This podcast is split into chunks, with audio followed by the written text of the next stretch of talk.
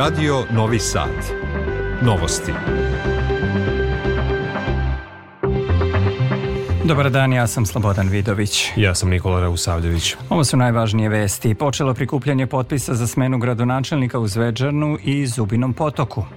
Novo trovanje u fabrici Magna, 58 radnika se javilo hitnoj pomoći, troje zadržano u bolnici.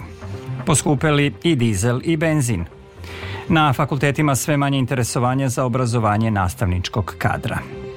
Godišnjica zloglasne novosadske racije bit će obeležena 23. januara kod spomenika porodica najavljena u gradskoj kući. Širom Srbije na bogojavljenje tradicionalno je organizovano plivanje za časni krst. Trenutno sneg i susnežica padaju u većem delu Vojvodine. Meteorolozi kažu posle jutarnjeg mraza sutra će biti uglavnom sunčano, temperatura do 3 stepena, sada je u Novom Sadu 0. Evro nije legalno sredstvo plaćanja na Kosovu s obzirom na to da je Priština jednostrano usvojila evropsku valutu 2002. godine, navodi se na sajtu Evropske centralne banke. Takođe ukazuju da takozvano Kosovo nije član Evropske unije, ali da evro od 2002. služi kao de facto sredstvo plaćanja na toj teritoriji. Evropska komisija i dalje analizira odluku Prištine o prekidu prometa svih valuta osim evra i traži pojašnjenja tim povodom, izjavio je portparol Evropske komisije Peter Stano. Apelovao je na obe strane da se ovom temom pozabave u okviru dijaloga koji se vodi uz posredovanje Evropske unije. Peter Stano je istakao da se od Beograda i Prištine očekuje da izbegavaju neusklađene akcije koje ne idu u prilog normalizaciji odnosa i koje bi mogle negativno da utiču na stabilnost na terenu. Najava ukidanja platnog prometa sa centralnom Srbijom jedna je od najtežih odluka premijera privremenih prištinskih institucija Albina Kurtija i Prištine, čiji je cilj egzodus srpskog naroda, izjavio je direktor Kancelarije za Kosovo i Metohiju Petar Petković.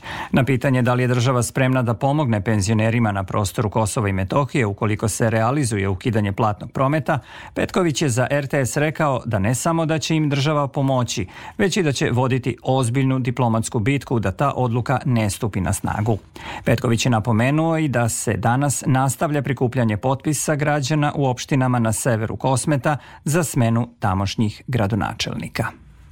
Prikupljanje potpisa je krenulo samo u dve opštine, u Kosovskoj Mitrovici i u Leposaviću. I reći ću vam, sa današnjim danom ti potpisi su već prikupljeni. Danas kreće prikupljanje potpisa i u Zvečanu i u Zubinom potoku, tako da očekujem da će vrlo brzo i građani u te dve opštine prikupiti potpise i time jasno staviti do znanja da takozvani gradonačelnici koji su, na primjer, u Leposaviću osvojili manje od 100 glasova, nemaju šta tu da traže, već da je reč o opštinama i institucijama koje pripadaju Srbima. I tako će i biti. U fabrici Magna u Aleksincu ponovo trovanje radnika. Hitnoj pomoći u tom gradu noća se javilo 58 radnika fabrike sa sličnim simptomima kao i kod radnika prethodnog dana. Predsednik te opštine Dalibor Radičević potvrdio je da je pregledano više od 50 radnika i da je njih šestoro zadržano u bolnici u Aleksincu na daljim pregledima. Prvo trovanje lepkom u fabrici Magna zabeleženo je pre dva dana kada je 51 radnik upućen na dalje bolničke preglede. Posle završene istrage Instituta za bezbednost i zdravlje na radu 1. maj u Nišu, radnici fabrike su se noća, sinoć vratili na posao i radili u trećoj smeni kada se dogodilo novo trovanje, iako su merenja na kontroli pokazala da vazduh u radnim objektima više nije kontaminiran. U opštoj bolnici u Sremskoj Mitrovici pokrenut je unutrašnji nadzor zbog smrti bebe koja je rođena u toj ustanovi.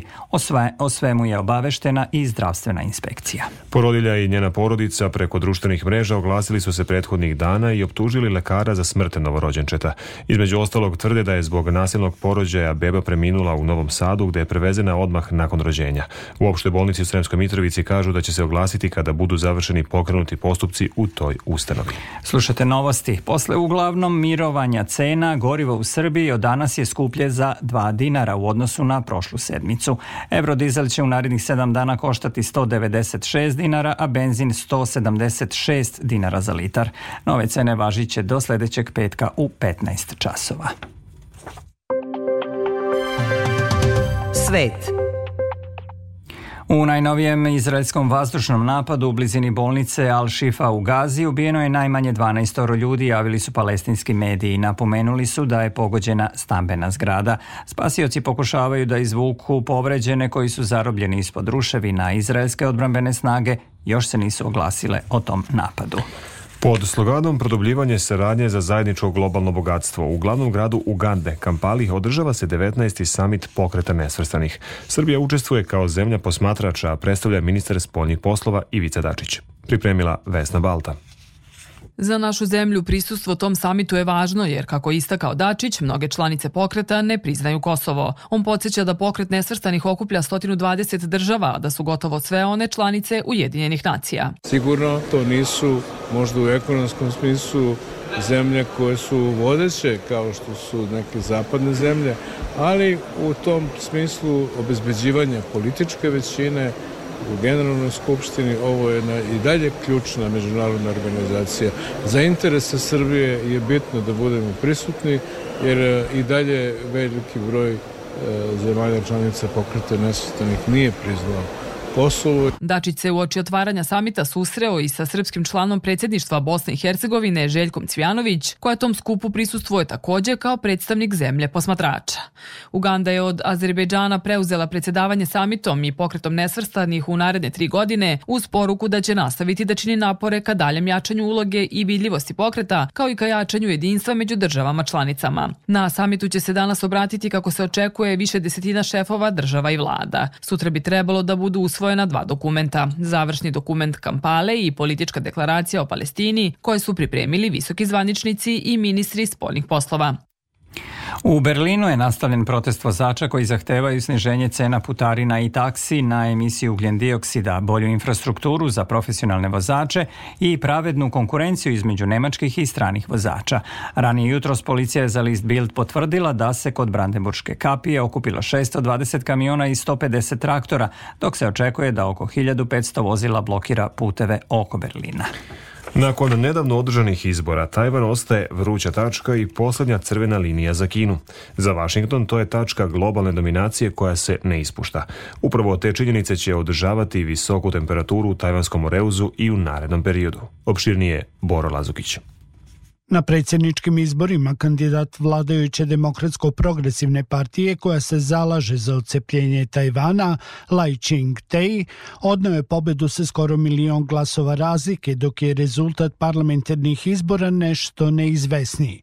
Opoziciona stranka Kuomintang, koja se zalaže za tešnju saradnju sa Kinom, imaće 52 poslanika, jednog više od konkurenta, pa će Tajvanska narodna partija sa osam mandata biti praktično praktično jezičak na vagi kod formiranja skupštinske većine.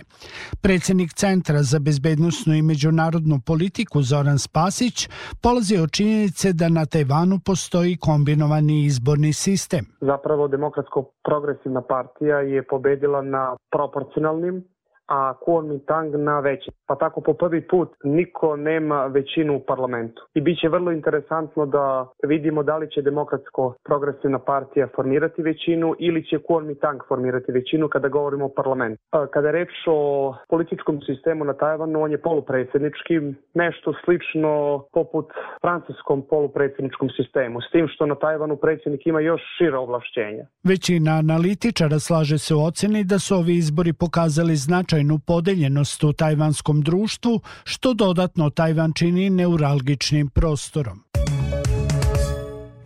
Ovo su novosti prvog programa Radija Radio Televizije Vojvodine. Vlada Srbije usvojila je uredbu o utvrđivanju programa podrške sprovođenju mera populacione politike i podrške u oblasti porodice i dece u našoj zemlji za 2024. godinu.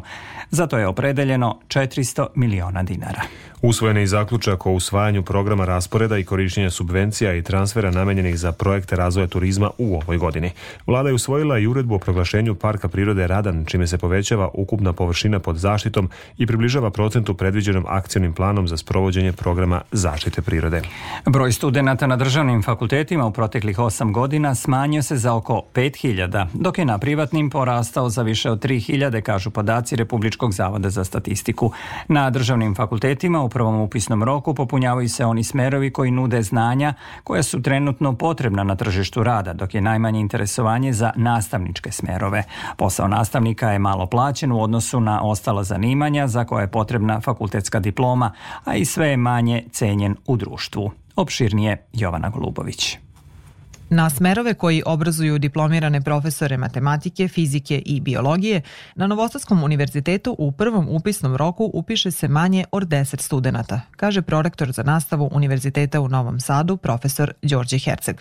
Napominje da se mesta popune u drugom upisnom roku, ali da je zabrinjavajuće to što ti smerovi nisu prvi izbor studenta. Ti nastavnici kojima to nije prvi izbor, možda će koristiti priliku kasnije da se preorijentišu. Ja sam nastavnik na Prirodno-matematičkom fakultetu pri primetimo da se i na studenti koji su recimo izabrali čistu matematiku kasnije preorijentišu na recimo financije ili na veštačku inteligenciju ili na informatiku ili neku kombinaciju ta tri jer je prosto lakše naći posao u velikim firmama u industriji. U nastavi se zbog nedostatka odgovarajućeg kadra zapošljavaju absolventi ili svršeni studenti drugih smerova, što smatra profesor Herceg nije dobro rešenje, jer većina njih ne radi taj posao sa entuzijazmom, koji je, tvrdi, izuzetno važan da bi đaci razumeli smisao predmeta.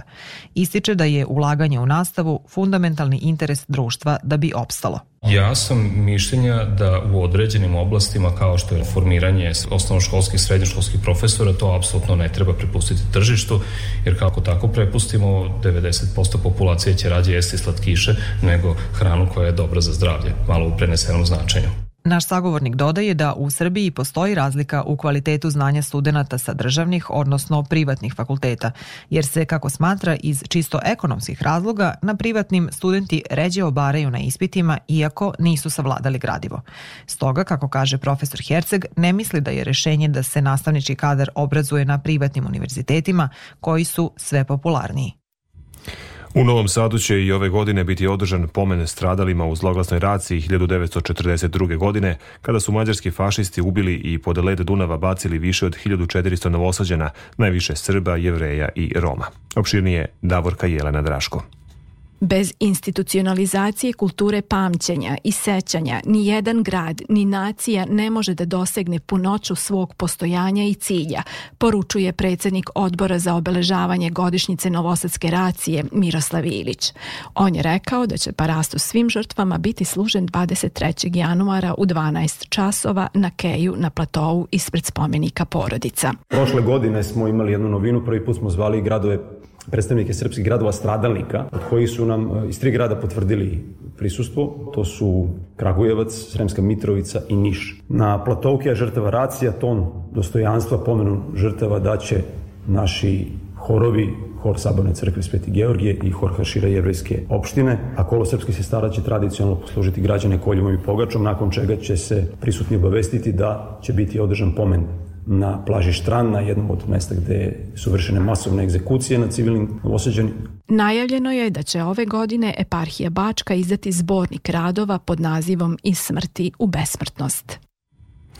Vlada Srbije usvojila je dve odluke o proglašenju za spomenik kulture koje se odnose na sinagogu u Apatinu i nadgrobni spomenik Jožefa Kiša u Vrbasu. Ranijih godina bilo je više inicijativa da se obnovi Apatinska sinagoga. Kompleks sinagoge u Apatinu poslednji je očuvani trag jevrejske zajednice tog mesta. Prvi istorijski podatak o Apatinskoj sinagogi potiče iz 1885. godine, kada je osvećena i osnovano se pretpostavlja da je nastala proširenjem ili prepravkom starije zgrade, tako da je moguće da je prostor na kome se nalazi sadašnji kompleks u upotrebi od 18. veka. Srpska pravoslavna crkva i njeni vernici slave bogojavljenje praznik ustanovljen u spomen na događaj kada je Sveti Jovan krstio Isusa Hrista u reci Jordanu. Jedan je od 15 najvećih hrišćanskih praznika. Tradicionalno se na ovaj dan širom Srbije pliva za časni krst. U Novom Sadu učestvovalo je više od 100 plivača, drugu godinu za redom prva do krsta doplivala je Marija Stanić, studentkinja Medicinskog fakulteta. Kaže da su svi učesnici pobednici. Osjećam se prelepo, pa stvarno je bilo predivno. Bilo je mnogo hladnije nego prošle godine, ali nekako kad sanješ na onaj ponton zaboraviš na tu hladnoću i na sve. I stvarno da nisam ja jedina pobedila i nisam ja jedina uzela ovaj časni krst. To je krst za sve nas i svaka čast svima koji su se danas usudili da uđu evo po snegu u ovu vodu koja je stvarno prehladna bila. Svi smo mi ovde pobednici danas. A kako je proteklo plivanje za časni krst u ataru sela Vračev Gaj u opštini Bela crkva, izveštava Branislav Ugrinov. Svečano i u duhu tradicije bilo je na bogojavljenju u malom mestu Vračev Gaj nedaleko od Bele crkve gde je održano međunarodno plivanje za časni krst na reci Neri, prirodnoj granici Srbije i Rumunije. 15 vernika, među kojima mnogo dece iz okolnih mesta kao i prekograničnog sela Sokolovac, učestvovalo je ovoj manifestaciji jedinstvenoj u svetu koju su predvodili episkop Banatski gospodin Nikanor i episkop Budimski administrator Temišvarski Lukijan. Do krsta je prvi doplivao belocrkvanin Isak Seljak. Posle 6 godina plivanja ovde, odličan krenuo sam s mojih 12 godina da plivam ovde. Sad imam 18, tako da zanimljivo je jako. Ni blato, sneg, kao ni hladno i vetrovito vreme nije sprečilo veliki broj vernika da prisustvuje ovoj manifestaciji sa obe strane Nere. Kako bi naredni narednih godina manifestacija dobila još više na značaja o potvrda bratstva dva naroda bilo vekovečena, želja nadležnih u lokalnoj samupravi jeste da se izgradi most na Neri. O tome nam je govorila i predsednica opštine Bela crkva Violeta Simić poštujemo time tradiciju naših predaka i ono što ja svaki put napomenem i što bi bilo jako bitno za naše dve opštine, obzirom da se radi o Sakalovcu opština koja je pretežno srpskog stanovništva i naravno Srbije, je most koji smo godinama planirali, želeli, nadamo se da će se u nekoj skorijoj budućnosti desiti. Hladno i vetrovito vreme, kako i priliči jugu Banata, doprinalo je da ugođaj na Neri bude još lepši, kako bi vernici u svog vladiku uživali u prizoru jedinstvenom na svetu. I zaista, Bog se javi. Ovo su novosti Radio Novog Sada. Osim zimskog brojanja ptica vodenih staništa koje traje do kraja januara, Društvo za zaštitu i proučavanje ptica Srbije od danas do nedelje organizuje tradicionalnu akciju brojanja ptica koje žive u čovekovom neposrednom okruženju, nazvanu Ptice moje hranilice. O tome Dragana Ratković. Prema rečima koordinatorke akcije Nataše Jančić, cilj je da se motivišu ljudi da prihranjuju i posmatraju ptice i da učestvuju u toj specifičnoj aktivnosti koju možemo nazvati građanskom naukom. Svako ko dostavi podatke od 19. do 21. januara doprinosi tome da naučimo koje ptice žive u našem naposrednom okruženju, kakve su njihove navike, kako opstaju zimi i kako im možemo pomoći. Akcija se organizuje petu godinu za redom, a novina ove godine je pokretanje posebnog web sajta hranilice.pticesrbije.rs gde je prijavni formular u koji ćete uneti podatke posmatranja ptica. Taj sajt sadrži i brojne informacije o tome kako prihranjivati ptice i kako ih prepoznati. Pomoću tog sajta brojanje ptica je znatno pojednostavljeno i pritom vrlo zabavno, kaže Nataša Jančić. Samo jednostavno izdvojite sat vremena, sednete u parkić ili sa svog prozora sa sa balkona, kako vam je udobno, posmatrate ptice koje se u tom trenutku zadese u vašem okruženju i pošaljete nam te podatke. Svi koji pošalju podatke učestvuju u nagradnom izvlačenju 6. februara u podne na društvenim mrežama Društva za zaštitu i proučavanje ptica Srbije i tako mogu da osvoje neku od vrednih nagrada. Knjigu Ptice Srbije i Evrope vodič za raspoznavanje ili dvogled Optikron. Vesti iz sporta. U trećem kolu otvorenog prvenstva Australije u tenisu Novak Đoković je sa 3-0 savladao Argentinca Tomasa Martina Echeverija. Đoković je protivnik u sledećem kolu biće Francuz Manarino. U 22. kolu košarkaške Evrolige Partizan od 20 časova i 15 minuta gostuje grčkom Panathinaikosu.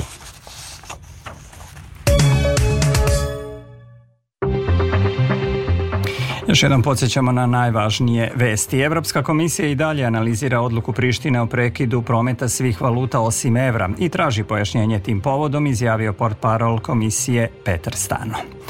Počelo prikupljanje potpisa za smenu gradonačelnika u Zvečanu i Zubinom potoku.